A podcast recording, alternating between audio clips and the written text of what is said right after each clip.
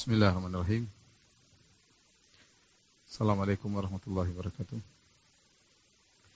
Alhamdulillahi ala ihsanih wa syukru lahu ala taufiqi wa amtinani wa asyhadu an la ilaha illallah wahdahu la syarika lahu ta'ziman li sya'nih wa asyhadu anna Muhammadan abduhu wa rasuluhu da'ila ridwanih. Allahumma salli alaihi wa ala alihi wa ashabihi wa ikhwani. Para mirsa yang dirahmati oleh Allah Subhanahu wa taala, eh, pada kesempatan kali ini kita akan membahas tentang uh, salah satu dari nama-nama Allah yaitu Ar-Rabb. Ar-Rabb yang berarti sang pengatur, pemilik dan uh, penguasa yang disebut dengan uh, Ar-Rububiyah, pemilik rububiyah, ya.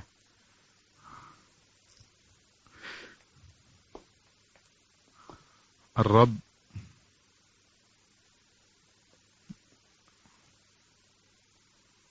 uh,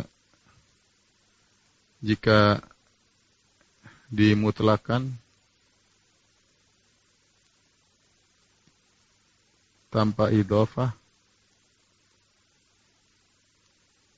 penyandaran maka hanya untuk Allah.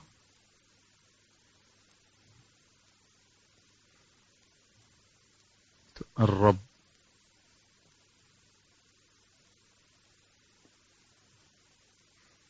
Adapun jika diidofahkan disandarkan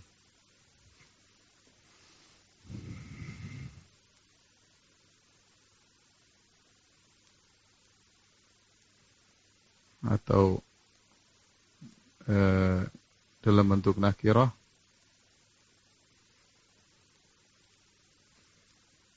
maka boleh untuk selain Allah.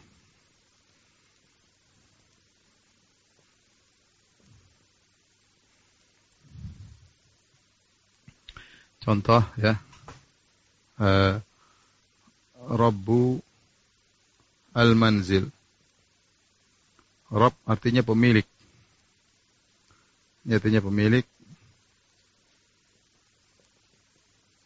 Manzil artinya rumah pemilik rumah ya. Contoh Rabbul Ibil.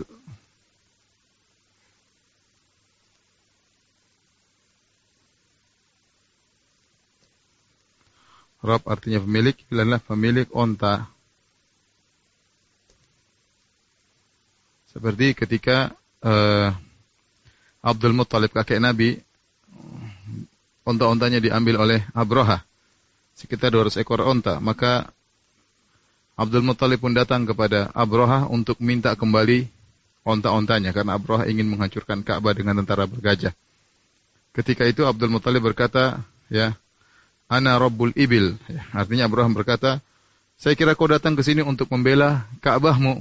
Apa kata Abdul Muttalib kakek Nabi sallallahu alaihi? Ana Rabbul Ibil walil Ka'bah Rabbun yahmiha. Aku adalah pemilik onta, adapun Ka'bah ada Tuhan yang akan uh, menjaganya ya. Jadi di sini dibolehkan untuk selain Allah karena dia mudhaf. Dia dinisbahkan kepada rumah. Rob rumah, pemilik rumah. Rabbul ibil, pemilik onta. Maka boleh untuk selain Allah. Seperti dalam Al-Quran, Allah subhanahu wa ta'ala berfirman tentang perkataan uh, Nabi Yusuf kepada salah seorang atau kepada dua orang yang dipenjara. Amma ahadukuma fayasqi rabbahu khamra. Sini rabbahu ya. Adapun salah seorang dari kalian maka dia akan menjadi pelayan raja dan akan menuangkan khamr kepada robnya, kepada rajanya. Robnya maksudnya uh, robnya di sini robnya maksudnya rajanya, penguasanya. Sini idofahkan kepadanya, diidofahkan. Ya. Sama seperti Nabi Yusuf berkata kepada utusan sang raja, kata Nabi Yusuf, irji ila rabbik. Ya. Baliklah engkau kepada Rabbmu ya. Maksudnya dalam kulung rajamu ya. Baliklah kepada Rabbmu. Di sini juga diidofah, diidofahkan. Jadi kita katakan bahwasanya uh, jika diidhafahkan ya disandarkan ini boleh untuk selain Allah atau dalam bentuk nakirah tanwin. Uh, misalnya dalam bentuk ini.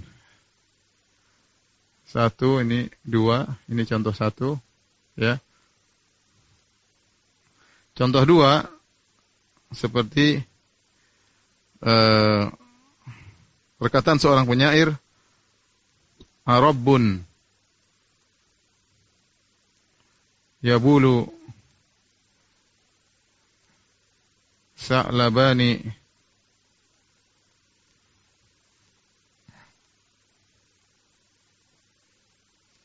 bira'sihi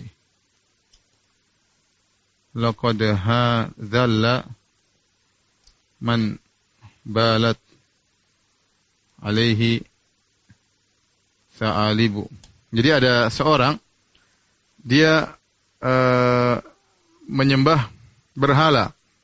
Kemudian berhalanya diambil diambil oleh kerabatnya dilemparkan di suatu tempat atau dia melihat berhalanya yang sedang dia sembah, tahu-tahu ada sa'lab ya semacam anjing atau serigala, tahu-tahu mengencingi kepala patung berhala yang dia sembah. Maka dia jadi berpikir lagi untuk menyembah berhala ini. Maka dia berkata syairnya yang masyhur dia berkata Arabbun di sini, Arabbun. Arabbun yabulu sa'labani bi ra'sihi. Apakah ada Tuhan yang dua ekor serigala mengencingi kepalanya? Laqad dhalla man balat alaihi sa'alibu. Sungguh terhina Tuhan yang dikencingi oleh anjing. Maka dia tidak lagi menyembah berhala. Di sini Rabbun namun bukan untuk Allah Subhanahu wa taala. Yang untuk Allah cuma satu Ar-Rabb. Ini untuk Allah. Tidak boleh kecuali hanya kepada Allah Subhanahu wa taala. Juga seperti firman Allah Subhanahu wa taala dalam uh, surat Yusuf juga kata kata Nabi Yusuf arbabun mutafarriquna khairun amillahil wahidul qahar. Ini sama, arbabun juga uh, tanwin, maka tidak mengapa dinisbahkan kepada selain Allah Subhanahu wa taala. Ini secara itlak maka makna Ar-Rabb adalah demikian ya. Rabb kalau Ar-Rabb maka maksudnya cuma hanyalah Allah Subhanahu wa taala. Ar-Rabb secara bahasa makna Ar-Rabb secara bahasa. Ar-Rabb ada dua pendapat ada dua pendapat dalam hal ini. Ada yang mengatakan ya Arab dari Robba ya Rubbu Rububiyah. Ada yang mengatakan Arab dari Robba ya yurabbi tarbiyah. Ini dua pendapat, dua-duanya disampaikan oleh para uh, ulama bahasa ya. Arab dari Rabba ya Rubbu rububiyah. Rabba ya Rubbu rububiyah.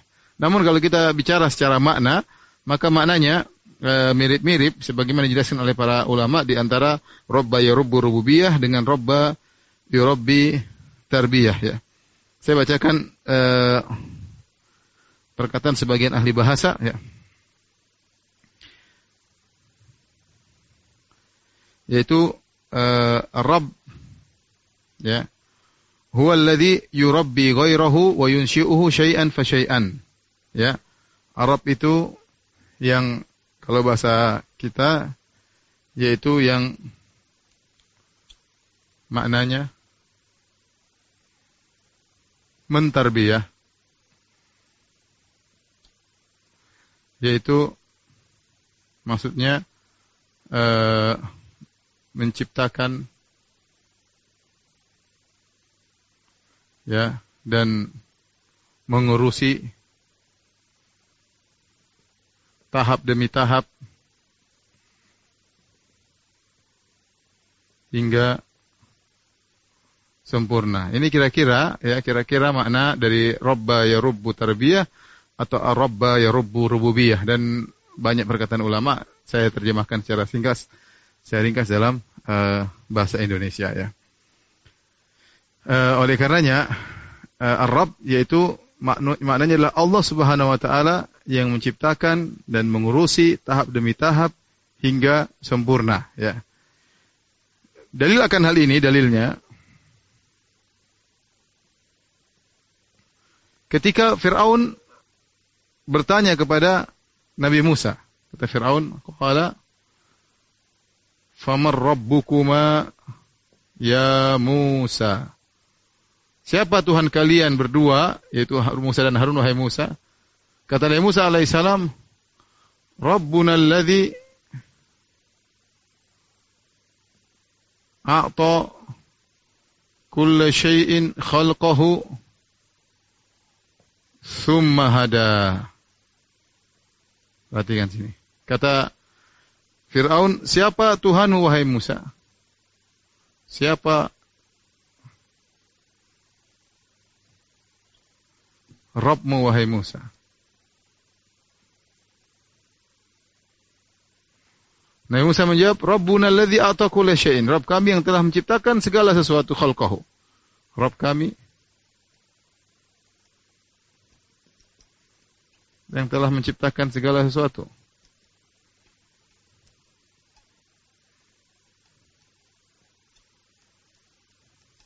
Summa hada lalu memberi petunjuk ya.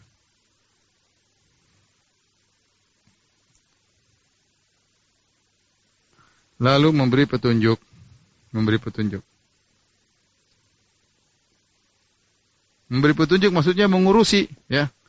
Mengurusi ya bagaimana yang telah Allah ciptakan setahap demi tahap sampai selesai. Oleh karenanya uh, seperti kata Al-Halimi dalam kitabnya uh, Al-Minhaj fi Syu'abil Iman ketika menjelaskan makna Rabb kata dia maksudnya Allah dalam, dari sisi manusia misalnya Allah menciptakan manusia dari tahap demi tahap dari dalam dalam janin kemudian setetes air mani kemudian menjadi dari nutfah kemudian alaqah kemudian mudghah kemudian uh, dibungkus dengan laham dengan daging ya dengan menjadi tulang kemudian tulang dibungkus dengan daging kemudian menjadi seorang bayi kemudian keluar dari perut ibunya dalam kondisi lemah ya kemudian dari tidak bisa apa-apa dari kecil merangkak sampai berdiri sampai selesai sampai tua Allah yang mengurusi semuanya Allah ciptakan dia dari tahap demi tahap dan Allah mengurusi dia secara keseluruhan ya. Makanya kalau kita bahas di sini ya.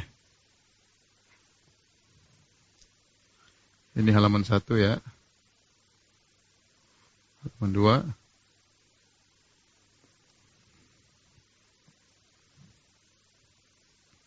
Halaman 3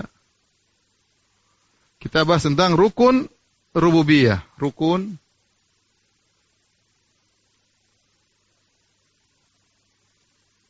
yaitu apa itu Rabb ya? Dikatakan Rabb apa? E, yaitu menciptakan menciptakan dan mengurusi. Ya. Kalau kita mau pilah-pilah lagi, maka menciptakan ini ya bisa kita bagi menjadi dua, yaitu al-khalq, al-mulk, yaitu menciptakan, kemudian mem memiliki, kemudian adapun mengurusi tadbir, pengaturan, mengaturi, ya pengaturan.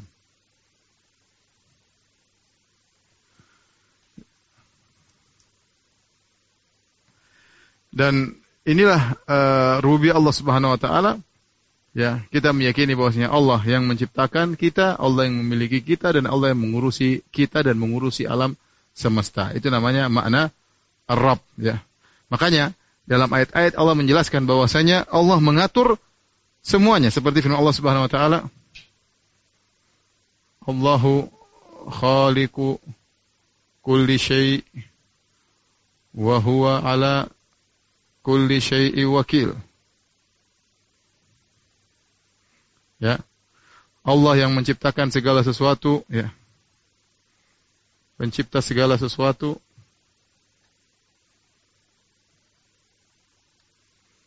Wa huwa ala kulli syai'in wakil dan dia mengurusi segala sesuatu.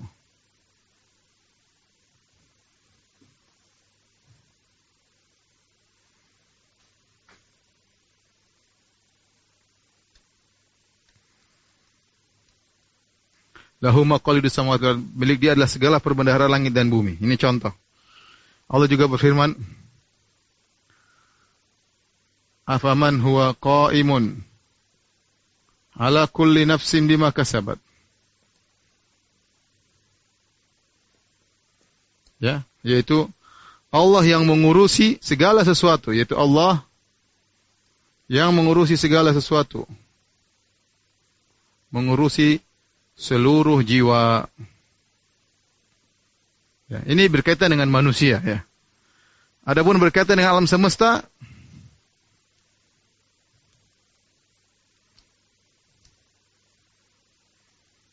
atau ini berkaitan dengan manusia alam semesta. Contoh lagi firman Allah Subhanahu wa taala Inna rabbakumullahu alladhi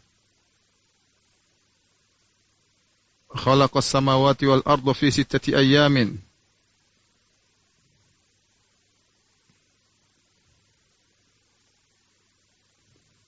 ثم استوى على الأرش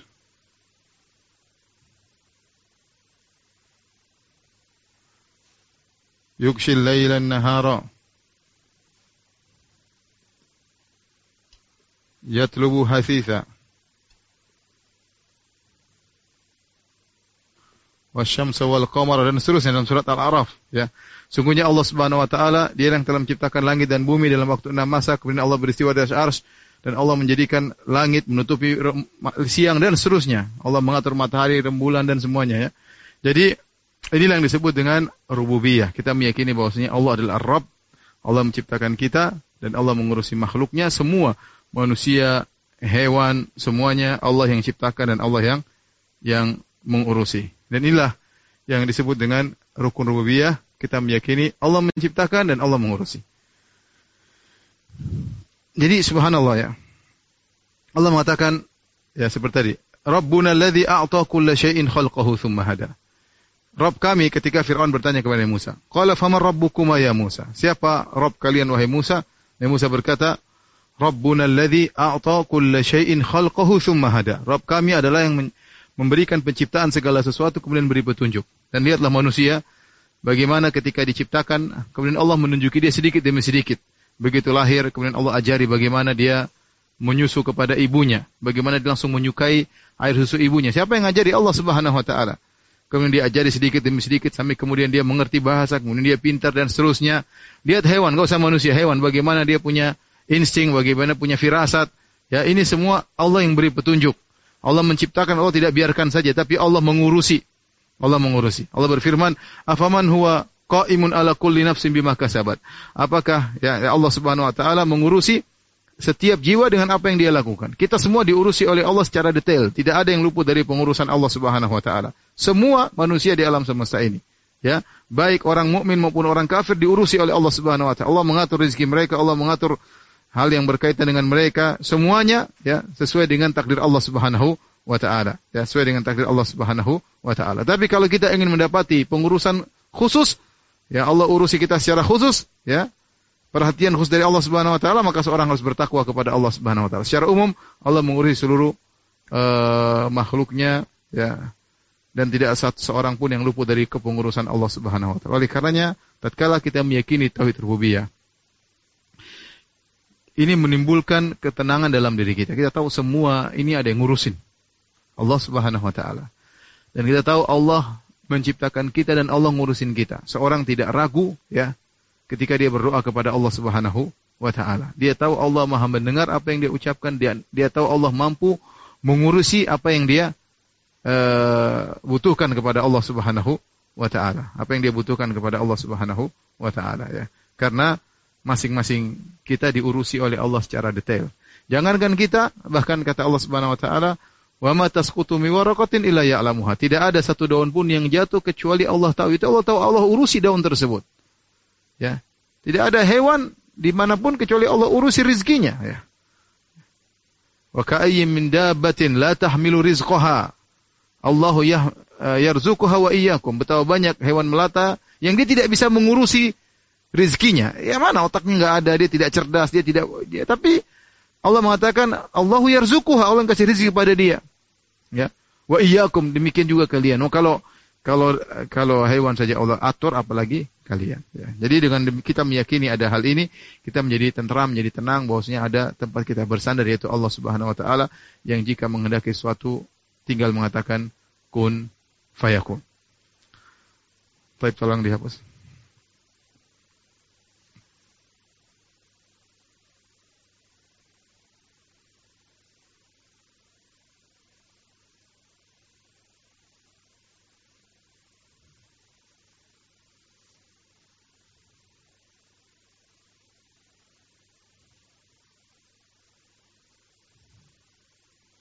Seperti firman Allah Subhanahu wa taala, "Sabbihisma rabbikal a'la, alladzi khalaqa fasawwa, walladzi qaddara fahada." Ya. Bertasbihlah kepada Rabbmu yang maha tinggi. Alladzi khalaqa yang menciptakan fasawwa. Ini semua rububiyah. Menciptakan kemudian menyempurnakan. Walladzi qaddara yang mentakdirkan fahada ya. Walladzi qaddara wa fahada, wahada. Kemudian beri petunjuk. Yang beri petunjuk kepada makhluk yang Allah ciptakan menuju kebutuhan-kebutuhannya untuk memenuhi keperluan-keperluannya. Allah yang ngajari mereka bagaimana mereka uh, berjalan, bagaimana mereka bersikap agar mereka bisa mendapatkan kebutuhan-kebutuhan yang mereka perlukan. Jangankan manusia bahkan hewan sudah diberi hidayah oleh Allah Subhanahu wa taala hidayah untuk bisa mendapatkan rezekinya. Uh, di antara pentingnya kita mengenal rububiyah yaitu membuat kita tatkala berdoa kepada Allah punya keyakinan, husnudzon kepada Allah Subhanahu wa taala. Jangan sampai kita berpikir mungkin Allah tidak perhatian sama saya. Ya. Sebagaimana Allah mengetahui detail dengan detail apa yang kau lakukan, ya. Sebagaimana Allah mengetahui detail apa yang dilakukan oleh pembesar-pembesar. Ya, jangan disangka bahwasanya Allah hanya perhatian kepada para raja, kepada para pejabat sementara Anda rakyat rakyat miskin misalnya, rakyat jelata tidak diperhatikan oleh Allah. Allah memperhatikan secara detail. Afaman huwa qaimun ala kulli nafsin bima kasabat. Kata Allah qaimun ala kulli nafsin bima kasabat. Allah mengurusi setiap jiwa atas apa yang dia lakukan. Setiap jiwa diurusi oleh Allah secara detail. Secara detail. Oleh karenanya seorang jangan suudzon kepada Allah dan yakin bahwasanya dia dilihat oleh Allah dan diurusi oleh Allah Subhanahu wa taala, ya. Kadang kita dalam hati kita ini siapa sih? Mana Allah mendengar ya. Kita jangankan ente daun saja Allah urusin, apalagi kita.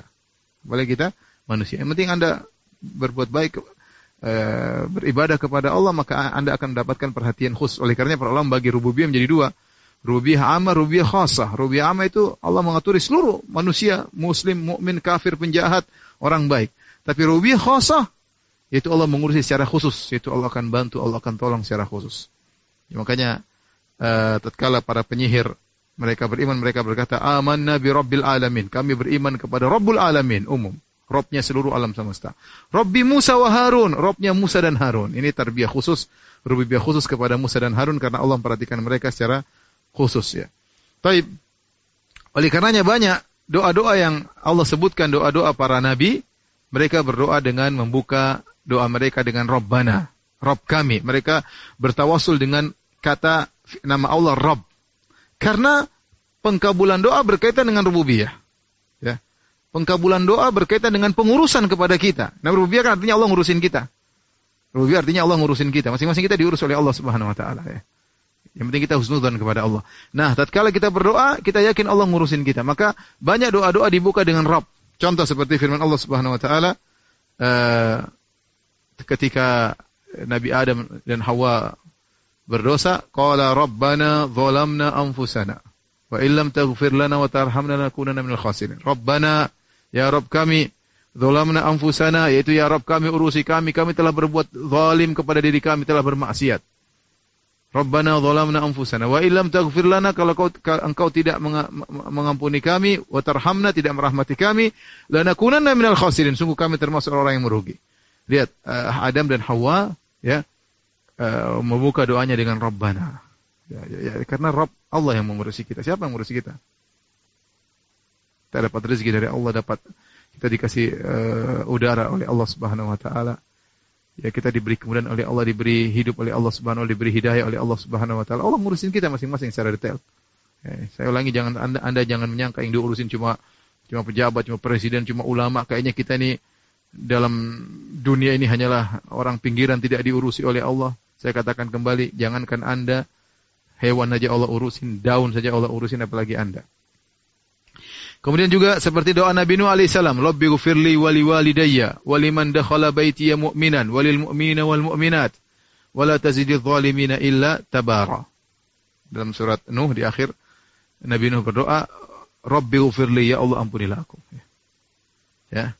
Tentunya ya, tepat kita mengatakan, Ya Ghafar gufirli, wahai pemberi ampunan, ampunilah aku. Tapi kita boleh menggunakan Rabb.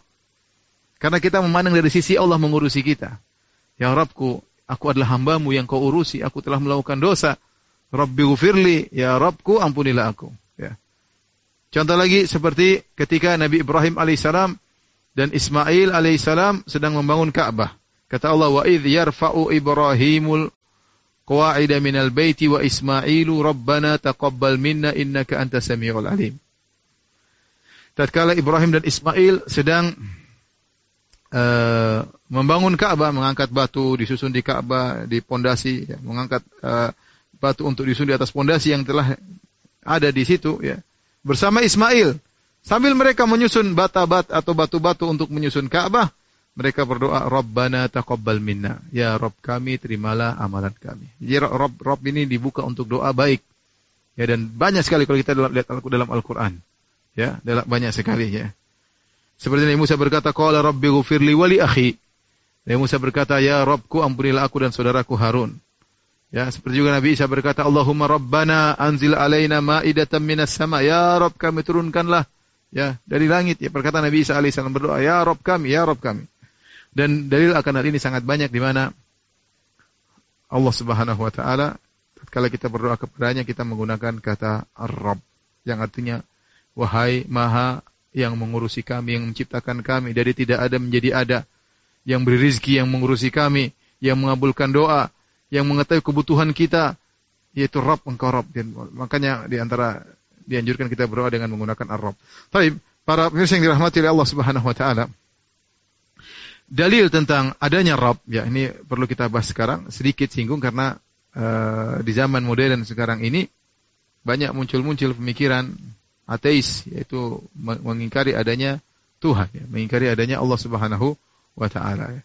Maka kita akan menyinggung secara uh, singkat tentang uh, dalil-dalil bahwasanya Allah itu ada dan sebenarnya sangat banyak namun uh, saya tidak mungkin menyebutkan sebenarnya ada buku ya judulnya Barahin Wujudillah tentang bukti-bukti adanya Allah Subhanahu wa taala tebal banget ya banyak sekali ya. Kenapa ditulis buku ini? Sebenarnya tidak perlu karena orang mengetahui Allah itu ada secara fitrah. Tetapi kenapa? Karena ateisme, ilhad, eh, penolakan ateis semakin banyak. Semakin di abad ke-19, 20, 20, kemudian 21, ya, banyak orang mulai tidak percaya kepada Tuhan. Bahkan uh, saya seperti pergi ke sebuah kota di Eropa, ke Amsterdam waktu itu. Kemudian saya bertanya, mereka bertanya kepada saya, Ustadz, gimana kalau kita beli uh, makanan dari sembelihan mereka. Saya bilang tidak ada masalah, mereka kan ahlul kitab. Selama mereka menyembelih tidak jadi masalah. Kata mereka bukan begitu Ustaz. Mereka ahlul kitab secara KTP, tapi banyak di antara mereka tidak percaya sama Tuhan. Banyak gereja-gereja sepi, banyak gereja-gereja sepi. Ya. Uh, di, di, dibunyikan apa namanya loncengnya tapi nggak ada yang datang banyak.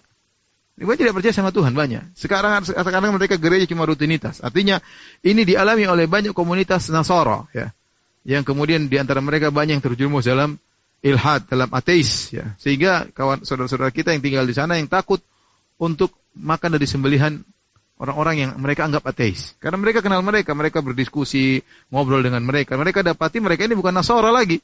KTP Nasara, tapi pemikiran ateis, tidak percaya sama Tuhan. Oleh karenanya, sampai ditulis sebuah buku judulnya Limada Ana Mulhid, kenapa aku menjadi ateis. Maka para ulama menjelaskan bahwasanya Rabb itu ada dan itu memberikan ketentraman bagi seorang. Bayangkan seorang hidup tanpa ada pegangan, tanpa ada sandaran. Ya, hidup tanpa ada Tuhan, bagaimana hatinya tidak bimbang, tidak kacau balau untuk apa yang dia lakukan, tidak ada aturan dia melakukan apa yang dia kehendaki. Sampai ada seorang Mesir yang menulis buku judulnya Limada Ana Mulhid. Ya, Limada Ana Mulhid. Ya. Uh, saya nukil dalam tulisan saya di tulis Tauhid Rububiyah dia dia mengatakan bahwasanya saya menjadi ateis dan saya bahagia sebagaimana orang-orang Islam bahagia saya juga bisa bahagia tambah Tuhan. Dia mengaku demikian. Namun di akhir hayat dia mati bunuh diri. Dia mati bunuh bunuh diri orang ini. Taib, adapun bahwasanya Allah Subhanahu wa taala ada sangat banyak dalilnya. Di antaranya Allah berfirman fi anfusikum afala tubsirun pada diri kalian tidaklah kalian lihat. Lihatlah bagaimana Allah menciptakan tubuh kita dengan uh, apa namanya? ahsanu taqwim. Fi ahsani taqwim dengan dengan bentuk yang sempurna ya. Dengan uh, organ tubuh yang sempurna ya. Bagaimana mata, jaringan-jaringan adalah mata, kemudian uh, organ pernapasan, aliran darah, jantung, semuanya sempurna. Ini nggak mungkin terjadi dengan sendirinya. Ya, belum kita lihat bagaimana alam semesta. Tidak mungkin terjadi dengan sendirinya. Tidak mungkin. Ya, kalau kita bilang apakah baju bisa kita pakai ini tanpa ada yang menjahit, pasti ada yang menjahit. Ini sederhana aja. Baju ini ada yang jahit ya. Mobil apakah terjadi dengan sendirinya? Ada yang bikin. Ada yang rancang sampai kemudian jadi mobil. Tidak mungkin terjadi dengan alam semesta yang lebih hebat daripada proses mobil dan yang lainnya. Tubuh manusia ini prosesnya luar biasa. Ya. Tidak mungkin terjadi dengan sendirinya. Kalau asal-asalan mungkin orang jantung bukan di dalam, mungkin jantung di luar, nongol begini. Ya. Mungkin lubang hidung di atas bukan di bawah dan banyak-banyak dan kesalahan banyak ya sebagaimana orang membuat apa namanya produk-produk yang sering ada kekeliruan. Taib. Ini semua menunjukkan bahwasanya Tuhan itu ada. Oleh karenanya tatkala Abu Hanifah berdebat dengan sebagian ateis ya, kemudian Abu Hanifah berkata kepada orang-orang ateis tersebut, bayangkan ada sebuah kapal yang kemudian e, berlabuh dari sebuah sungai kemudian ke sungai Dujlah, kemudian tanpa ada nahkoda, kemudian barang-barangnya turun dengan sendirinya, tanpa ada ABK, anak buah kapal nggak ada, kemudian barang-barang baru naik di atas kapal tersebut, kemudian berlabuh lagi ke pelabuhan berikutnya. Apakah mungkin? Kata mereka nggak mungkin. Pasti ada yang ngangkat, pasti ada yang jadi nahkoda. Maka bagaimana lagi alam semesta ini? Ini sangat sederhana bosnya Tuhan itu ada. Ya. Nggak mungkin terjadi dengan bagaimana matahari yang mungkin entah berapa ribu tahun, entah berapa juta tahun yang kita pada orbitnya dengan panas yang eh, demikian. Kalau seandainya tidak ada yang ngatur, kemudian Eh, matahari sangat kemudian mendekati ke arah bumi dengan panas yang lebih tinggi, maka kita semua akan binasa. Atau matahari menjauh, kemudian kita kemudian kedinginan, nah, kita semua akan binasa. Ya, kita semua akan binasa. Sebagian orang tatkala bulan Ramadan di musim panas, ya, seperti di Arab, musim panas bulan Ramadan. Kemudian dia menunggu matahari terbenam. Dia ingin sekali matahari segera terbenam, tapi matahari sudah ada orbitnya, sudah ada jadwalnya. Tidak mungkin disuruh paksa cepat terbenam secepatnya. Tidak mungkin. Siapa yang ngatur itu semua? Apakah ini kebetulan?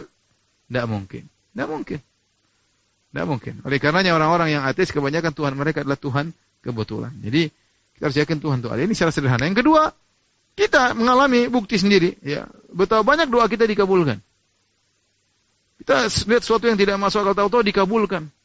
Tanya kepada orang, mereka punya pengalaman sendiri-sendiri. Mereka dalam kondisi genting berdoa kepada Allah, tiba-tiba Allah kabulkan. Siapa yang bisa kabulkan? Terjadi dengan sendirinya nggak mungkin, prosesnya ada. Prosesnya ada. Ada yang mendengar doa kita dan ada yang mengkabulkan doa kita. Yaitu Tuhan pencipta alam semesta ini. Banyak terjadi. Ya. Memang memang Allah tidak tidak obral bahwasanya semua kalau kalau semuanya Allah segala orang minta Allah kasihkan ya semua tidak ada ujian. Allah kan menciptakan kita untuk diuji dengan sesuatu yang gaib. Kalau setiap orang Islam doanya pasti dikabulkan ya semua orang akan masuk Islam. Semua orang akan beriman kepada Tuhan. Ya. Tapi demikian Allah mengatur kadang doa dikabulkan, kadang enggak. Tapi betapa sering doa kita dikabulkan, kita minta kepada Allah Subhanahu wa taala ya. ya. Ini dalil bahwasanya Tuhan itu Tuhan itu ada, ada dan banyak sekali ya. ya. Di antara dalil bahwasanya Tuhan itu ada, lihatlah bagaimana uh, manusia punya kecenderungan ya akhlak tahu ini akhlak baik, ini akhlak yang buruk tanpa ada yang mengajarinya. Di mana-mana satu dunia ini pasti ada suatu namanya norma yang mereka sepakati bahwasanya mengambil barang orang itu buruk. Semua orang. Kenapa? Ada fitrah di situ. Allah tancapkan fitrah kepada manusia bahwasanya meskipun mereka tidak diajari, mereka tahu mengambil barang orang itu buruk. Mereka tahu bantu orang itu baik. Mereka tahu meskipun tidak diajari. Kemudian juga bukan merupakan suatu yang uh, kebetulan tatkala kita ke mana-mana ke tempat mana pun biasanya di situ ada tempat ibadah. Meskipun mau menyembah apa saja, ada menyembah berhala, tapi semua manusia punya fitrah untuk mencari Tuhan, mencari sembahan. Dan ini ada di mana-mana. Di mana-mana kita dapat kuil-kuil tempat ibadah. Mau masjid, mau gereja, mau apa, mau apa saja. Mereka sedang sepakat bahwasanya mereka harus beribadah. Hanya saja kemudian mereka salah dalam tidak beribadah kepada Allah, tapi beribadah kepada makhluk uh, misalnya. Coba bayangkan bagaimana seorang anak baru lahir. Kemudian dia bisa meletakkan mulutnya ke puting susu ibunya, kemudian dia bisa nyedot air susu ibunya. Ini anak baru lahir. Ya. Kumpulan satu profesor di dunia untuk ngajari dia sesuatu yang lain. Dia nggak akan bisa. Coba ngajari anak tersebut main mata. Satu profesor di dunia nggak bisa anak tersebut main mata.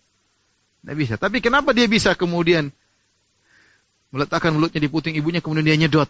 Subhanallah. Siapa yang wahada? Ya Allah yang beri petunjuk. Ya Allah beri petunjuk. Coba renungkan bagaimana kemudian ada hewan jantan kemudian punya ketertarikan kepada hewan betina. Dari mana? Lihat apanya? ada hasrat untuk bisa punya ini tidak mungkin kebetulan. Kalau orang bikin robot gimana dia pasang hasrat nggak bisa. Hasrat ini terjadi. Ya. ya. Sementara hewan tersebut hanya suka dengan sejenisnya. Sapi jantan suka dengan sapi betina. Ya. Kalau dilihat kuda yang cantik, kuda betina dia nggak tertarik karena bukan Allah tidak pasang hasratnya kepada kuda tersebut. Ya, bahkan bukan kuda. Lihat perempuan cantik, itu sapi tidak tertarik. Dia bilang lebih cantik itu sapi betina yang gembrot, yang kotor bau lebih cantik daripada manusia ya. Kenapa? Kan hasratnya ke situ. Siapa yang ciptakan hasrat? Siapa yang menundukkan kemudian onta, hewan yang besar, yang kuat kalau sekali menendang bisa mati, kemudian tunduk kepada manusia, bisa disuruh-suruh, bisa diperintah, bisa ditunggangi. Siapa yang menundukkan kalau bukan Allah Subhanahu wa taala? Kita mau pakai kias apa? Ya, ada hewan kecil nakalnya luar biasa, ya. liarnya luar biasa. Siapa yang bisa menundukkan kucing? Kucing yang begitu garang kalau ketemu dengan tikus. Ya kalau zaman dulu, kalau sekarang kucing juga takut sama tikus ya. ya kucing yang begitu sangat kejar-kejar sama tikus, begitu dekat manusia dengan penuh kelembutan. Siapa yang menjadikan singa yang begitu garang mengejar hewan-hewan membunuh kemudian ketika dia punya anak dia sayang sama anaknya? Siapa yang bikin seperti itu? Ini semua tidak tidak mungkin orang bilang terjadi dengan sendirinya, nggak mungkin. Ini semua ada yang ngatur. Kalau Anda pakai baju saja baju ini tidak mungkin terjadi sendirinya. Ada yang ngatur, ada yang jahit, ada yang rancang, ada yang ini. Gimana alam semesta yang luar biasa, yang begitu mutkon, yang begitu muhkam, yang begitu kokoh, ya. Kemudian Anda tidak percaya sama adanya pencipta. Bagaimana lihat lihat lihat ruang angkasa, melihat langit yang begitu luas, yang isinya benda-benda berat, ada matahari, ada rembulan, ada bintang-bintang. Kemudian rata semua, tidak ada bolongannya, tidak ada petak-petaknya. Seperti terasering sawah kalau kita tapi langit nggak ada semua datar semua tanpa ada tiangnya. Saya yang bisa bikin. Kalau bukan Tuhan pencipta alam alam semesta. Terlalu banyak ya bukti-bukti bahwasanya Tuhan itu ada terlalu banyak terlalu banyak tapi demikianlah ya muncul ya orang-orang yang kemudian mengingkari adanya Tuhan sebab mereka kalau kita pelajari ya eh, munculnya jadi eh, pengingkaran terhadap adanya Tuhan ini adalah suatu yang baru yang mulai muncul di abad 18, 19, abad 20. Ya, sebelumnya tidak ada pengingkaran terhadap Tuhan ya. Ya kecuali satu dua orang ya seperti Namrud mungkin atau Firaun. Tapi kebanyakan ya, kebanyakan ya Namrud juga ngaku dia Namrud dia ngaku sebagai Tuhan. Firaun dia ngaku sebagai Tuhan. Dia mengaku ada Tuhan tapi Tuhannya adalah dia. Ya, tapi mengingkari enggak ada Tuhan sama sekali ini hampir tidak ada ya. Rata-rata semua punya keyakinan keyakinan terhadap sesuatu yang disembah. Mulai muncul hal tersebut sekitar abad uh, ke-19, abad ke-20 ya. Di mana munculnya rata-rata di Eropa, rata-rata di di Eropa. Apakah di apakah di uh, Inggris misalnya atau di Jerman ya. Rata-rata di di daerah Eropa sana ya. Yang di mana mereka tidak puas dengan adanya aturan gereja. Jadi mulai muncul awalnya ateis muncul itu kalau kita baca sejarahnya gara-gara aturan gereja yang dipaksakan untuk diterapkan di masyarakat sementara mereka menganggap itu tidak ada ketidakadilan, menguntungkan pihak gereja sementara membuat eh, kerugian atau kezaliman bagi rakyat sehingga timbullah pergolakan-pergolakan yang buat mereka tidak percaya sama gereja, akhirnya tidak percaya kepada kitab suci mereka, akhirnya tidak percaya kepada Tuhan. Mulailah mereka tulis tulisan macam-macam mereka mengatakan Tuhan sudah mati ya. Kemudian uh, Tuhan sekarang sudah istirahat misalnya ya. Terus seperti itu tidak ada Tuhan, Tuhan itu hanyalah uh, opium yang apa namanya uh, apa namanya uh, narkoba yang diberikan kepada masyarakat agar mereka begini-begini. Timbullah pernyataan-pernyataan mereka ya, yang intinya menolak adanya adanya uh, Tuhan ya. Taib, saya akan sebutkan beberapa model orang-orang ateis ya.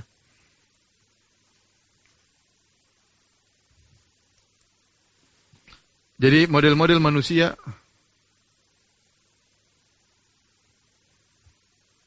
atau model-model aliran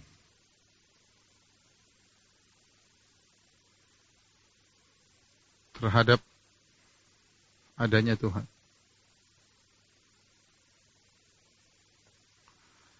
Secara umum ada tiga. Ya. Yaitu percaya adanya Tuhan.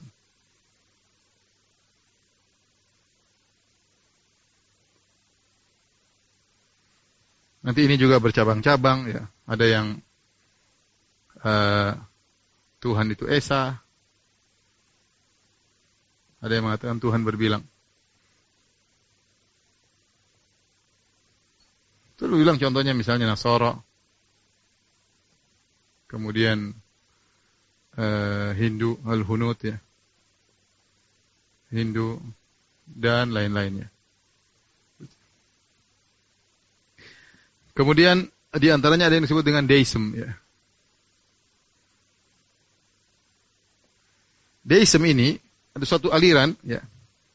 Dia bagian dia menyatakan Tuhan itu ada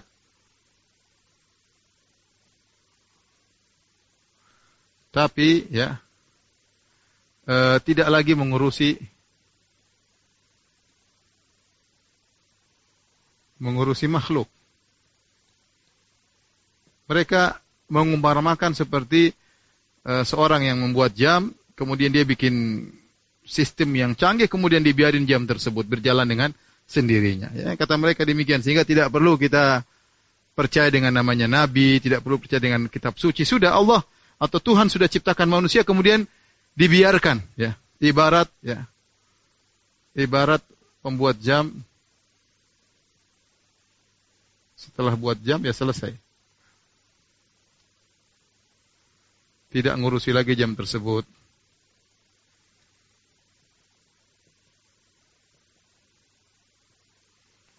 Sehingga adapun kalau teisme, mereka meyakini ya, kita ya bahwasanya Tuhan masih mengurusi mengurusi makhluknya.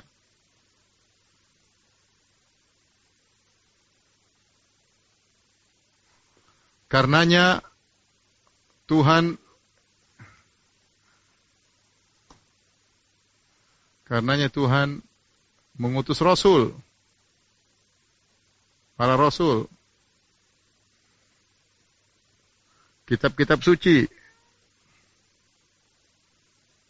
dan lain-lain. Artinya, kita tidak mungkin akan bisa mengenal Tuhan kecuali dengan jalan para rasul tersebut melalui kitab-kitab suci yang Tuhan kirim.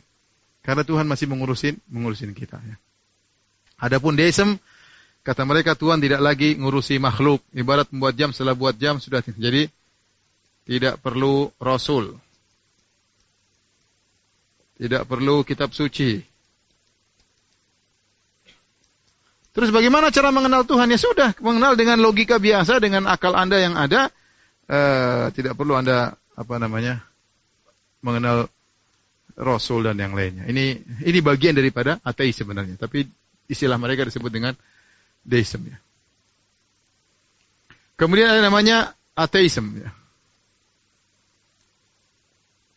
Yaitu anti adanya Tuhan. Ini ada dua mazhab dalam hal ini. Ya. Ada yang disebut dengan strong atheism, ya.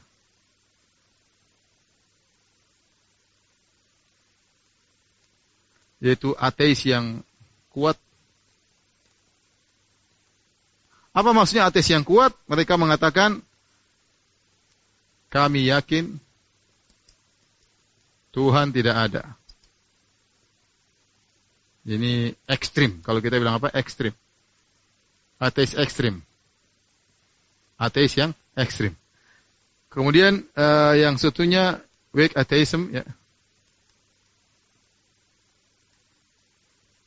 Ya ini ateis yang lemah. Apa kata bedanya apa dengan ini? Kalau ini mengatakan kami belum dapat dalil, belum dapat argumen bahwa Tuhan itu ada.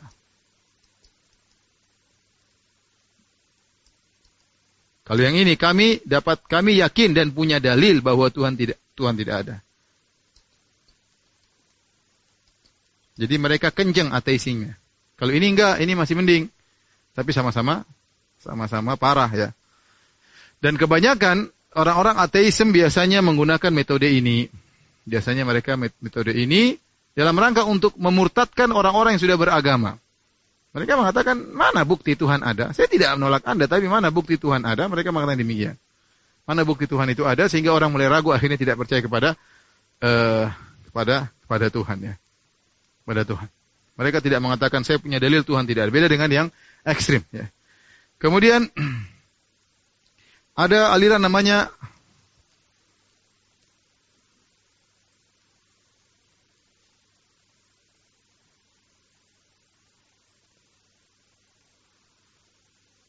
Somethingism, yaitu maksudnya mereka meyakini uh, ada sesuatu yang lain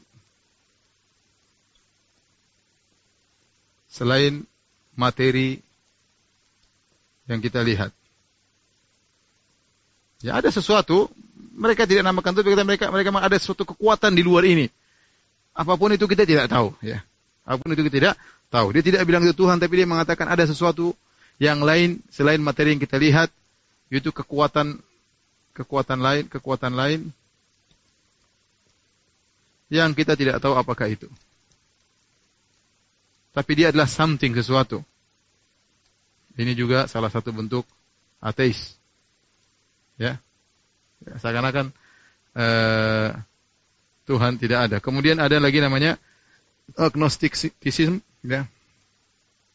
Ini istilah-istilah Inggris ya. Saya harus tulis supaya siapa tahu antum baca ya. Meskipun saya tidak tahu bahasa Inggris.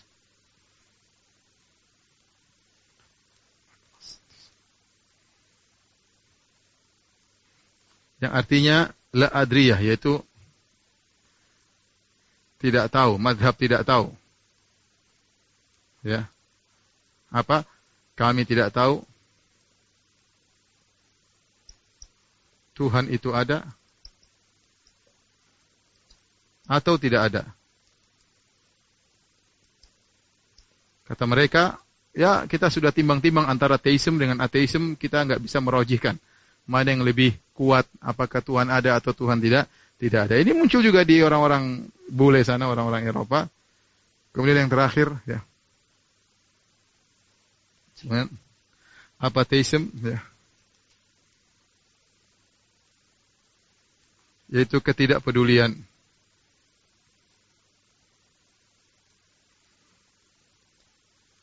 Kata mereka, kami tidak ngurusin, tidak mau tahu Tuhan ada atau tidak ada.